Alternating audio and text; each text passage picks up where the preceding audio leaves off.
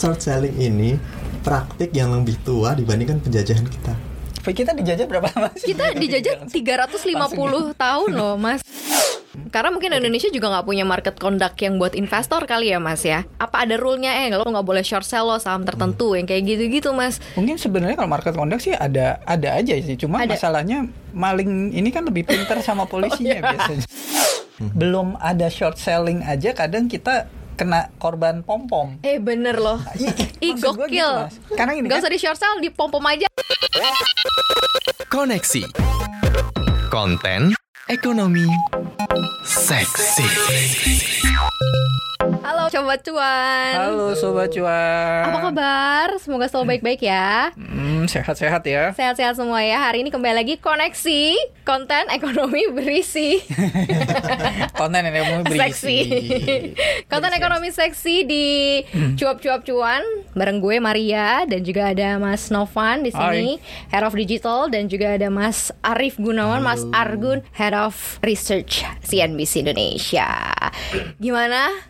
Hari ini semoga selalu sehat, semoga selalu baik-baik ya. Karena hari ini kita akan bahas tema yang sangat menarik Yaitu terkait mengenai GameStop Ini menarik apa berat sih sebenarnya? ini menarik.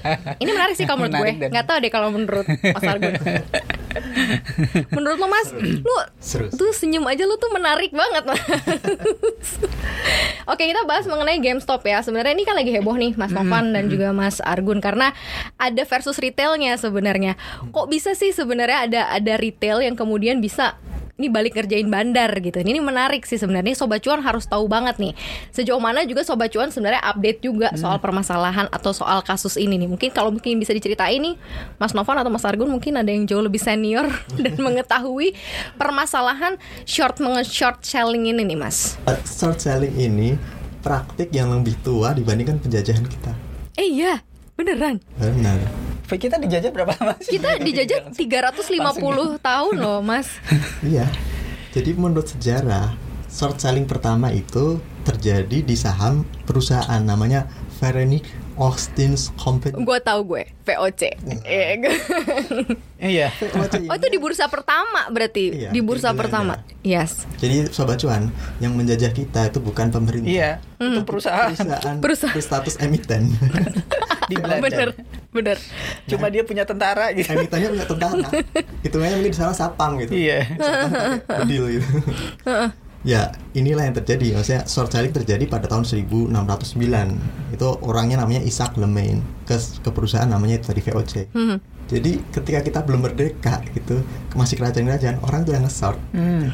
Dan praktik ini berjalan sampai sekarang gitu. Cuman ya ketika ada uh, ekses buruknya ada Ya, ya. banyak gitu. Ada yang permainannya terlalu besar, terlalu uh, culas sehingga market terganggu. Hmm. Misalnya dulu kalau kita bicara market di pasar uang ya ada Black Wednesday. Iya, bener. Hmm. Iya, iya, iya. Jadi dia nge-short berapa tuh 10 miliar 10 ah. dolar gitu. Uh, pound sterling anjlok. Uh, bank sentralnya harus nalang. Kan kalau kalau kalau di pasar uang orang jualan gitu kan saat itu nilai uh, kursnya akan anjlok. Biar nggak anjlok ya harus dibeli, gitu. Dibeli. nah bank sentral ngebeli sampai butuh katanya di laporan mereka sekitar 4,5 miliar dolar. Tapi kemudian ada yang menduga sebenarnya lebih dari Lebih dari itu. 20 kayak gitu. karena ketika 10 miliar dolar dijual orang pada panik yang lain ikut Ikut jual. Iya, iya. jadilah Black Wednesday di Indonesia ya di krisis Asia konon seperti itu Ya. juga menimpa mata uang baht kalau di bursa saham di Wall Street eh, pernah juga pada tahun 1929 dan terakhir yaitu tadi 2008 gitu. Oh, dan setelah 2008 maka pemerintah Amerika Serikat sempat melarang kemudian mengizinkan tetapi dengan uptick rule tadi itu boleh tapi harganya harus lebih tinggi ya eh, kalau menurut catatan eh, Morgan Stanley itu kan ini fenomena terbesar bulan dalam 25 tahun terakhir short selling ini uh, di GameStop. Jadi sebelumnya juga ada, tetapi nggak semasif ini. Uh, analisis berkata bahwa kemungkinan uh, bisa sebesar ini karena ada faktor netizen. Hmm. Nah, Oh. sebelumnya kan belum ada tuh orang pada ngumpul Nggak rame dan gitu ya? koordinasi secara efektif di platform namanya Reddit kalau di sana. Nah ini yang membuat GameStop jadi fenomenal, terutama karena ada yang mendorong gitu. Jadi intinya kan eh, orang itu kalau mau bikin perubahan atau pergerakan itu yang penting itu ada nggak yang mengkoordinir gitu. Dan di sana kemudian ada yang mengkoordinir itu dan mereka mengajak kayak Ayo. korlapnya ya mas ya Iya ada korlapnya. Kayak lu mas. Jadi masanya sudah ada ngumpul sebelumnya itu memang ada tapi juga nggak sebanyak ini. Nah ini masanya ada ngumpul dan mereka solid. Mereka sama-sama merasa pernah dikerjain hedge fund gitu. Hedge fund ini kan uh, melakukan uh, trading short selling gitu ya. yang sering kita ulas gitu. Intinya kalau sobat cuan belum tahu ya ada ada investor yang belum punya saham tapi pingin jual saham itu maka dia minjem saham dari perusahaan sekuritas dipinjem kemudian dijual pada saat itu juga harganya taruhlah 100 dan kemudian dia berharap uh, nanti harganya turun taruhlah jadi 20 ya. nah dia nanti harus mengembalikan saham yang dipinjam itu dengan harga 20 tadi. ya 20 tadi uh, sesuai perjanjian kalau Ya, ya, ya, 20. ya, ya. jadi ketika pas turun ya dia beli saham itu di pasar dibalikin lagi ke broker jadi dia untung 80 ibarat Hmm, gitu. Kan tadi jual 100 kemudian ya harus ngembaliin cuma berapa 20 untungnya 8 Berarti dia harus menduga bahwa nanti ini sahamnya bakal turun ya. iya Kalau kebalikannya ternyata malah sahamnya naik, ini kan yang terjadi di GameStop kan sebenarnya kan. Ini na- nasibnya gimana nih? Iya, yang terjadi ini istilahnya kan short squeeze. Iya. Jadi banyak yang kemudian mengangkat itu dinilai uh, perusahaan yang sedang di short selling ini di short istilahnya itu sebenarnya secara fundamental masih oke. Hmm. Nah makanya mereka ngapain ini harganya turun kita beli rame-rame. Uh, tetapi kalau zaman dulu itu nggak ada semasif ini gerakannya. Jadi orang menilai secara fundamental sebenarnya masih layak dibeli, beli. Tapi habis itu kalah dengan tekanan jual, ikutan koreksi. Iya, iya. Nah yang ini dikoordinasi, jangan sampai turun. Gitu. Hmm, Jadi tiap hari dijagain sampai naiknya kan ribuan persen itu. Nah ini yang ambil posisi short, yang taruhnya tadi harusnya pingin jualnya di harga, eh, pingin mengembaliin sahamnya di harga 20 Iya ternyata mah naik-naik terus sampai Hmm. berapa 300-an. 300-an. Sebenarnya ini kayak fenomena kalau gue sih ngelihatnya kayak fenomena yang terjadi di film-film Big Short. Uh, well, ya The Big Yes. Short. Kemudian seriesnya Billions Ya, itu yang benar, ada di benar, itu juga benar. kan praktek-praktek short sell sebenarnya lumrah ya di pasar uh, Amerika gitu kan. Sesuatu hal yang wajar yang biasa biasa dilakukan oleh big fund big fund gitu kan. Nah, karena setahu gue sih kalau nggak salah ya mungkin Mas Argun bisa koreksi. Ketika hedge fund mau melakukan shortlist, apa shortlisting, apa short selling, sorry, shortlist selling, itu kan mereka harus punya eh, dasar analisis sebenarnya. Kenapa mem- mereka memperkirakan bakal bahwa turun. perusahaan ini akan eh, turun? Kalau nggak salah seperti itu. Iya. Karena kalau enggak, mungkin mereka bisa dibilang kayak ada informasi dalam orang dalam Insider, insider trading yes, gitu ada kan. insidernya. Wah ini dapat insider informasi insider trading tiba-tiba di uh, short selling gitu kan. Iya. Nah, biasanya sih mereka berdasarkan data-data, berdasarkan proyeksi gitu. Kemudian mereka berani ambil posisi karena nanti akan dicek sama OJK-nya kalau nggak salah ya Mas Argun ya. Ya. nah, itu ketika kalau dalam bayangan gue nih kayak kayak GameStop. GameStop itu kan perusahaan eh, toko Mainan. retail mainan Retail kan, mainan, game game ah. game apa namanya konsol game, kaset game gitu kan. Awal mulanya kan mereka diprediksi bahwa dengan eh, COVID ini toko-toko itu nggak akan lagi disamperin orang Iya. dan lagi eh, kayak konsol game gitu kan kayak misalnya PS, Xbox itu kan mereka sudah jualan kaset-kaset jenis-jenis permainannya itu secara online. Iya. Iya kan, kayak misalnya eh, PS gitu kan, PlayStation gitu kan, itu udah beli bisa beli online. Jadi ngapain harus ke GameStop? Jadi yang dibangun kan seperti itu, sehingga akhirnya diperkirakan pendapatannya bahkan Turun. turun Ya, gitu kan ya. tergerus akhirnya ada perusahaan yang short sell. Nah, yang dilakukan retail itu adalah justru melawan ya, melawan arus ini gitu. Iya. Hmm. Karena mereka menilai secara perhitungan mereka kalaupun terkoreksi nggak sampai separah Tapi beneran ada insider, Mas. Uh, insider itu belum ditemukan, Hmm. belum ada indikasi. Oke. Tapi intinya yang terjadi adalah pertarungan antara investor bes- hedge fund besar beberapa dengan investor retail yang ribuan gitu. Atau Mungkin malah ratusan ribu gitu yang ikut di situ. Jadi mereka ramai-ramai menjaga itu karena mereka menilai kalaupun orang-orang belum pada datang, eh, belum eh, berani keluar untuk belanja gitu, nyatanya eh, GameStop itu melakukan terobosan dengan penjualan online juga. Iya, iya. Hmm.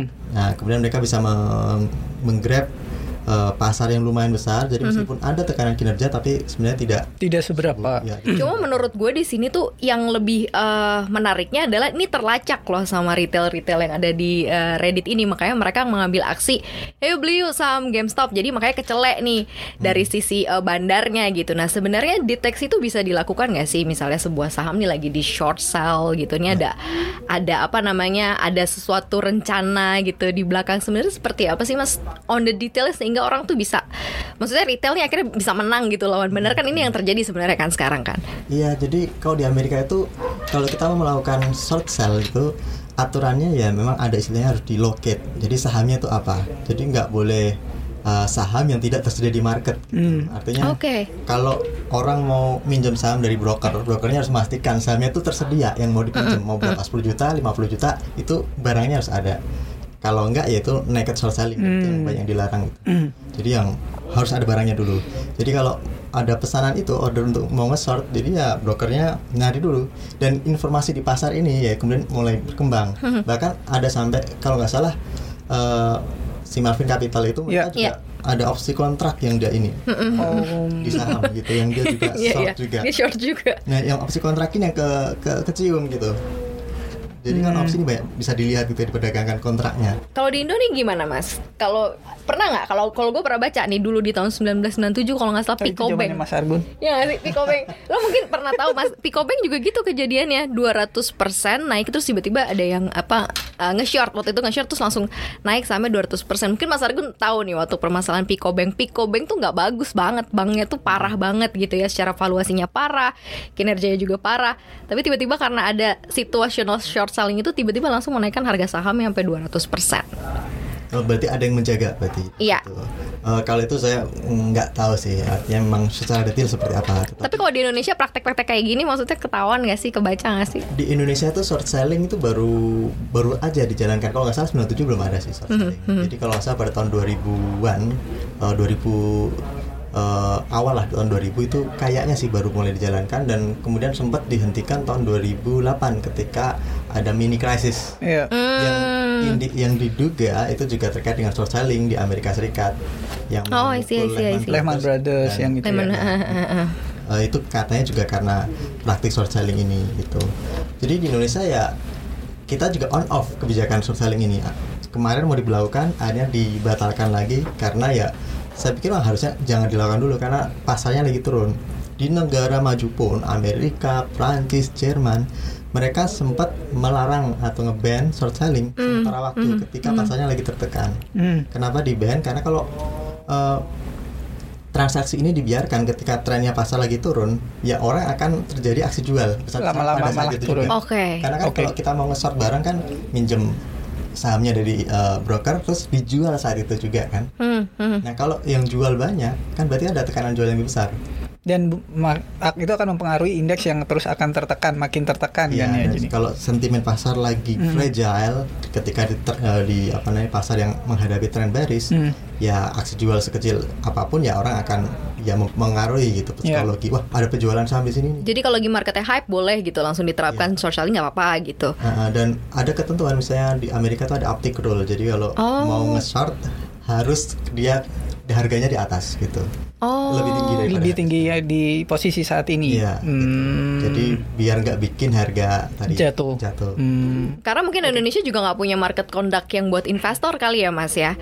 Kalau di luar ada nggak sih peraturan-peraturan kayak gitu? Nanti market conduct kan biasanya buat broker gitu. Nah iya. ini investor pun sebenarnya juga diarahkan gitu supaya uh, punya apa ada rule-nya eh lo nggak boleh lo transaksi yeah. pakai apa namanya margin misalnya lo nggak pakai pakai limit atau misalnya lo nggak boleh short sell lo saham tertentu hmm. yang kayak gitu-gitu Mas. Mungkin sebenarnya sebenarnya kalau market conduct sih ada ada aja sih. Cuma ada. masalahnya maling ini kan lebih pintar sama polisinya oh, iya. biasanya. Pinteran maling ya kalau kalau maling yang aku masuk penjara semua penuh. Iya maksud maksudnya yang diawasi dan yang mengawasi kadang lebih lebih dalam tanduk ya ini kan ya. karena bakat ya bakat butuh duit bakat butuh bakat cuan gitu kan. iya, jadi bener. kreativitas sehingga akhirnya aturan pun bisa oh kalau begini aman kok gitu kan yang diawasin kan gini gitu. Iya ya, gitu mas. Di, di negara semua negara itu tidak ada aturan undang-undang gitu yang melarang short selling gitu kan. Yeah. Ada undang-undang pasar modal. Di, di, apakah di dalamnya ada pasal yang melarang a, a, transaksi tertentu satu short selling? Di Amerika juga Kongres sempat membahas itu, tapi kemudian dinyatakan ini ya tidak perlu diatur Kongres, cukup diatur oleh OJK-nya sana, SIC. Hmm, hmm. Sampai sekarang juga modelnya seperti di kita. Kalau pasarnya lagi trennya dinilai buruk, mereka melarang band, uh, band dulu. Ya, ya, ya. Pernah Amerika, Jerman juga pernah, Prancis juga pernah, kayak gitu. Uh, tapi kalau pasarnya lagi normal ya diizinkan. Hmm. Kalau Indonesia ini kan tadinya mau dibuka nih Februari kan, katanya boleh lagi short selling, terus kemudian ditarik lagi gitu.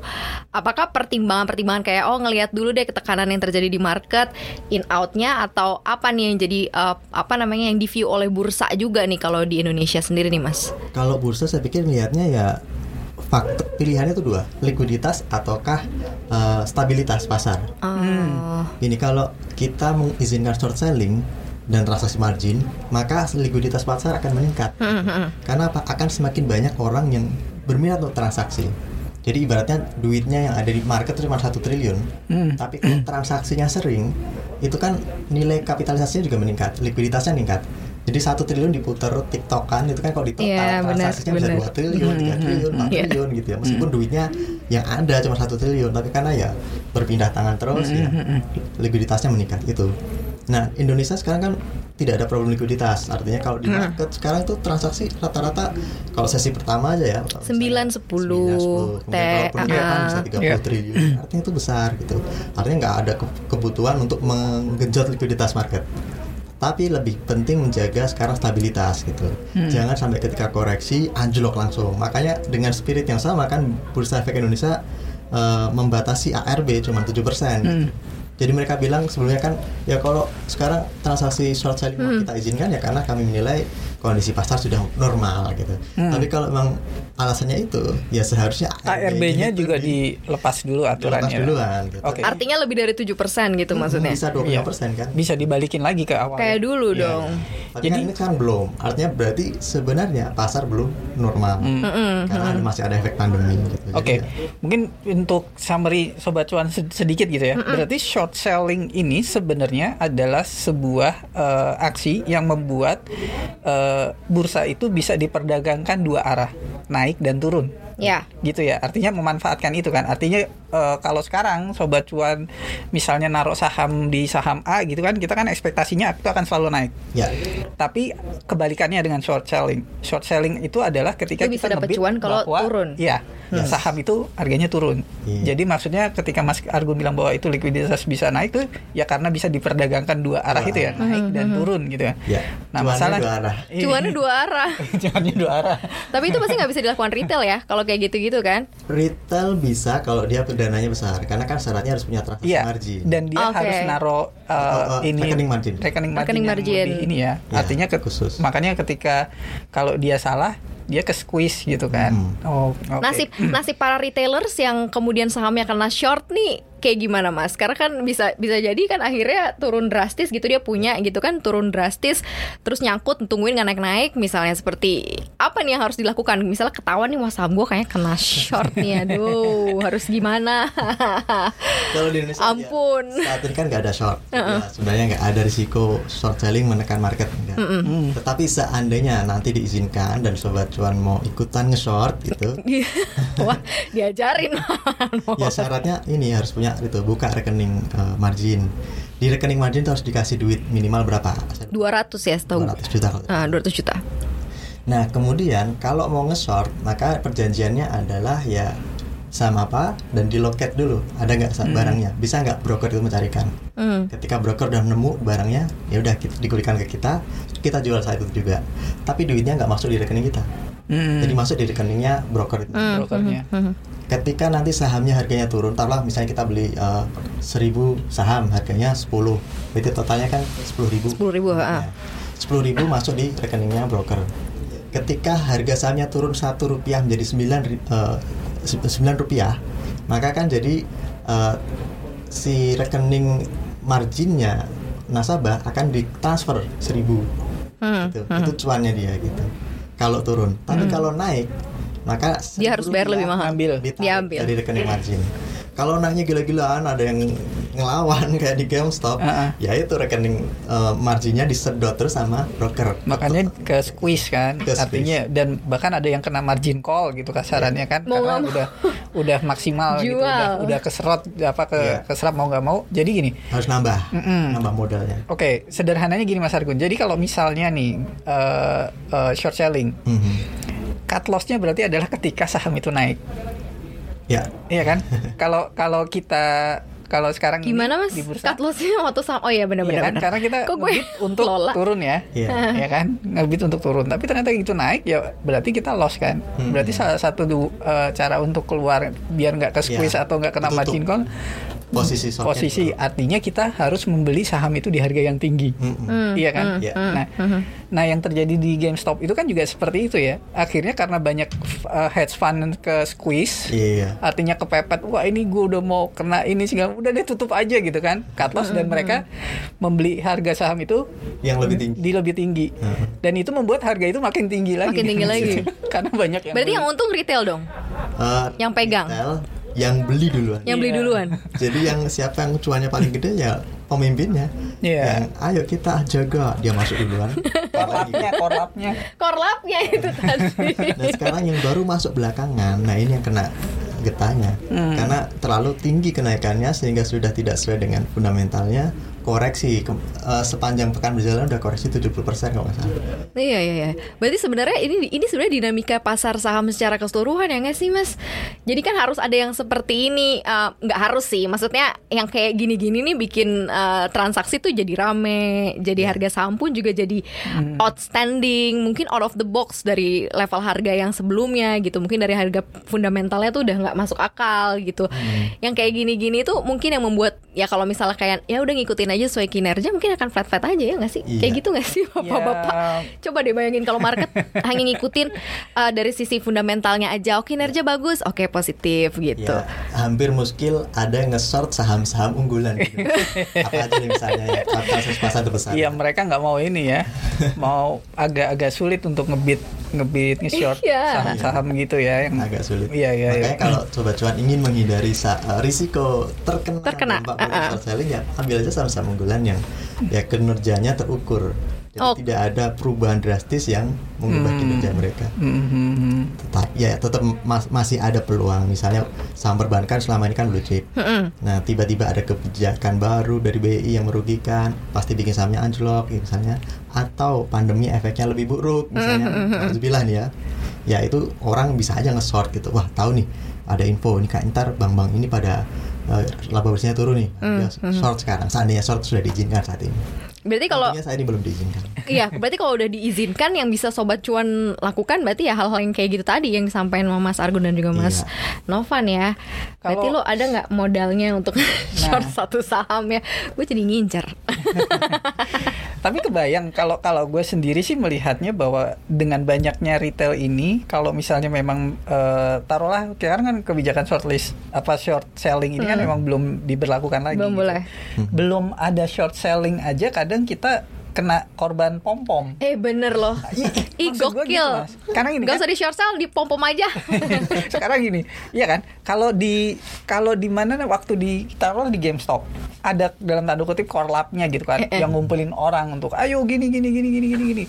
Nah sekarang kalau misalnya di di Indonesia terjadi kayak gitu terus ada ada yang mau ada korlap ada yang mau korlapnya gitu kan, ini sama aja bikin kayak korlapnya tapi kita dan uh, apa namanya jadi kayak ngepom-pom juga kan. Artinya kita ngepom-pom supaya bandar kalah karena bandar yeah. naruhnya di uh, short. Kalau di Indonesia juga. mungkin yang ngepom-pom bandar.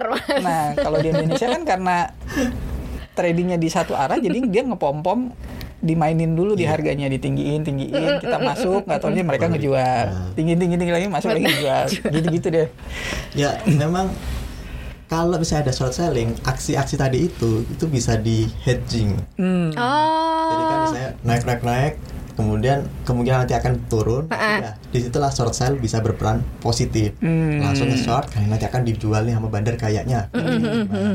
Ya udah di short, jadi ya dia punya dua posisi gitu. Mm -hmm. Ketika saham naik dia untung, ketika sahamnya anjlok dia shortnya juga, juga untung. Gitu. Nah dari sinilah taktik short selling ini berujung pada istilah baru hedge fund. Ah iya iya kan benar-benar. dari lindung nilai. Lindung. Iya Jadi iya. ada perusahaan-perusahaan pengelola investasi yang ingin mengelola dana pensiunan itu ke bursa saham. Hmm, hmm. Nah pensiunan ini kan saham, eh, dananya orang-orang tua tuh ya. Iya. Jadi dia eh, manfaatnya harus tiap bulan selalu ada, Mm-mm. harus selalu eh, yieldnya ada. Tetapi di saham kan naik turun. Mm-mm. Makanya mereka mikirnya gimana biar nggak terlalu anjlok ketika sahamnya sahamnya tertekan. Mhm. Yang nge-short itu. Makanya hedge fund hedge fund termasuk Melvin Capital itu yang lagi rame dihajar itu. Itu Mm-hmm. Karena tuh lagi pegang dapen ya. Hedge fund.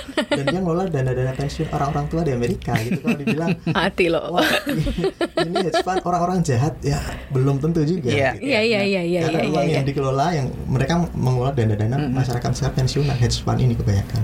Oh, berarti ada kemungkinan akhirnya mungkin dari sisi apa ya broker hedge fund itu harus muter otak juga kali ya, karena kan memang dia harus mengembalikan uh, benefit atau dari uh, dana yang ditaruh gitu kan di perusahaannya untuk dibalikin lagi gitu. Jadi karena ada konsekuensi itu, makanya dia melakukan berbagai macam aktivitas yang kayak gitu-gitu mas gitu. Nah kalau di Indonesia kan juga ada sebenarnya ada beberapa kasus-kasus juga kan, yang benar gak sih? Takut ah gua. Ini melibatkan Abri loh. Ya, loh, eh. itu gue mau itu gue nyolek kan Enggak ada ya saya. Diganti nama. iya yang akhirnya ditaruh di mungkin saham-saham yang eh, nggak bagus secara fundamental tapi di di play dimainin gitu mas maksudnya Iya, iya. gitu loh itu Tapi- lebih pada fraud ini ya. Tapi tadi gue mengkhawatirkan yang gue khawatirkan adalah ini han- jadi hanya sekedar pertarungan eh, kekuatan dana, bukan Iya, lagi pertarungan. Kalau Maria tadi mentionnya fundamental gitu ya, bukan lagi melihat eh, investasi secara fundamental bagaimana perusahaan ini akan berjalan ke depan gitu ya, tapi lebih kepada kemudian kekuat kuat-kuatan racing fund dan kekuat-kuatan modal gitu dari sisi hedge fund gitu kan. Karena kalau gue melihat sih eh, kalau hedge fund kan punya apa namanya tanggung jawab Mas Argun tadi mention kan juga ya nggak bukan orang-orang berdosa banget juga gitu kan ya. Eh, bukan maksudnya bukan bukan bukan bad guy juga Bukan gitu. Karena bad kan guy. mereka juga harus cari Iya, iya, apa iya. namanya memutarkan uang itu untuk memberikan benefit. Nah, benar mereka itu kan juga punya analisa-analisa fundamental Hmm, gitu kan, analisa penilaian gitu. Sementara kalau misalnya ketika retail melawan kan belum hanya tujuannya hanya, hanya satu. Balas dendam. Dia pernah loss ketika di itu itu Ya, benar ma- ya gitu. Jadi eh, kekhawatiran kemudian di Amerika yang muncak juga sebenarnya kalau gue baca-baca di CNBC internasional gitu juga ya mereka me- menilai bahwa kekhawatirannya ya ini jadi hanya sekedar eh, permainan uang saja. Ya, jadi ya. kekuatan-kekuatan baik di retail dan eh, ada beberapa orang yang juga percaya bahwa ini sebenarnya bukan cuma retail doang yang main. Jadi ada big fund juga sebenarnya mungkin juga nyelip di situ gitu. Jadi dalam tanda kutip, eh, bandar yang mungkin nggak suka sama Melvin apa segala macam juga ikut mempom-pom gitu kan. Oh, makanya dananya sekuat itu ya, Mas, Makanya ya? dana sekuat itu mungkin ya itu prediksi-prediksi mereka karena kan sekarang kalau nggak salah kasusnya juga masih terus Iya. diselidiki ya. Kalau di Wall Street emang yang terjadi itu udah perang. Nah, Jadi kalau seseru itu ya kalau di Wall Street ya jadi saru juga bukan Saru seru doang, juga. saru, saru tuh jorok gitu. oh iya iya iya permainan kotor nonton film Saru gak? Judulnya Wolf of Wolf, Wolf Wall of Street. Wall Street ya I know Itu it. saru beneran Agak ya. saru kan? iya iya iya iya iya iya Nah, itu kan ada adegan pas pertama itu si uh, siapa tuh yang uh, uh, apa namanya? Leonardo DiCaprio ya Kan dia udah uh, kita siap-siap uh, trading mau dibuka, dia udah Hmm. perintah buy. Di sana ada yang orang yang hmm, tidak akan saya biarkan. Iya, Biasa iya. gitu. Buy sell buy sell perang. Mereka Iya, kan, ya, berperang karena tahu wah ini ada ada nge-short nih. Gua jagain saya kan gua juga punya Hmm, uh, Modal. portfolio di sini. nggak boleh anjlok. Ya ini dinamikanya seperti itu. Tapi apa yang membedakan GameStop saat ini? Retail ngumpul gitu. Nah, Hmm. Dan ya uh, apa namanya motivasinya katanya dendam karena ya sering dirugikan oleh praktik short. Tetapi ya itu tadi praktik short itu sebenarnya uh, hedging jangka pendek gitu tadi Ya, untuk lindung nilai. Jadi ketika saham naik dapat cuan dari situ, tapi ketika saham turun dapat cuan juga dari short selling. ya Tetapi ya tadi Mas Fit Mas Topan bilang ini bisa disalahgunakan gitu. Jadi ini analoginya seperti rudal anti pesawat atau anti anti rudal gitu. Oh. Kan ada rudal Patriot di Amerika. iya iya Dan Amerika tuh pernah pingin naruh rudal Patriot di uh, Polandia. Oh, Nah. Oke. Putin ngamuk-ngamuk. Polandia kan dekat sama Rusia. Hmm. Heeh. anda nggak boleh naruh rudal anti anti rudal di situ kenapa ya semua orang tahu rudal anti rudal itu ya rudal jadi kalau saya nggak ngerudal rudal kalian tuh bisa nyerang saya gitu kan sama kayak short selling ini. Dia tuh untuk defensif kan tadinya untuk Oke. hedging tetapi ya bisa ofensif juga gitu. Jadi bu nggak bukan buat untuk lindung nilai tetapi buat ngehajar atau buat ngerjain apa pun gitu. Hmm, kalau di Indonesia mungkin memang short sellingnya belum belum legit belum belum dibolehin gitu ya. Tapi kok kayaknya prakteknya hampir sama kayak perilaku perilaku orang gitu dalam mengepom saham gitu naikin saham tertentu. Misal kayak dulu kasus perencana keuangan juga ada tuh menggiring orang untuk beli saham tertentu gitu kan. Begitu naik terus uh, apa namanya? Iya ditinggal retail Lagi sayang-sayangnya. gitu kan terus ditinggal. tinggal yang kayak gitu-gitu. Jadi sebenarnya banyak oknum mak- maksudnya as a person gitu loh mas yang akhirnya menggunakan taktik yang kayak gini-gini gitu. Di short selling yang jahat yaitu taktiknya sama. Dia akan nebar fear nebar rumor. Kalau ngepamung kan ne- nebar ini kan uh, optimisme. Euforia, ya, euforia, uh, sahamnya uh, bagus, uh, uh. gini, gini, gini, kan. Sementara sebaliknya kalau nge-short dia nebar fear. Ini perusahaan nanti akan anjlok ini perusahaan sahamnya lagi uh, bermasalah karena secara fundamental bla bla bla bla gitu kan.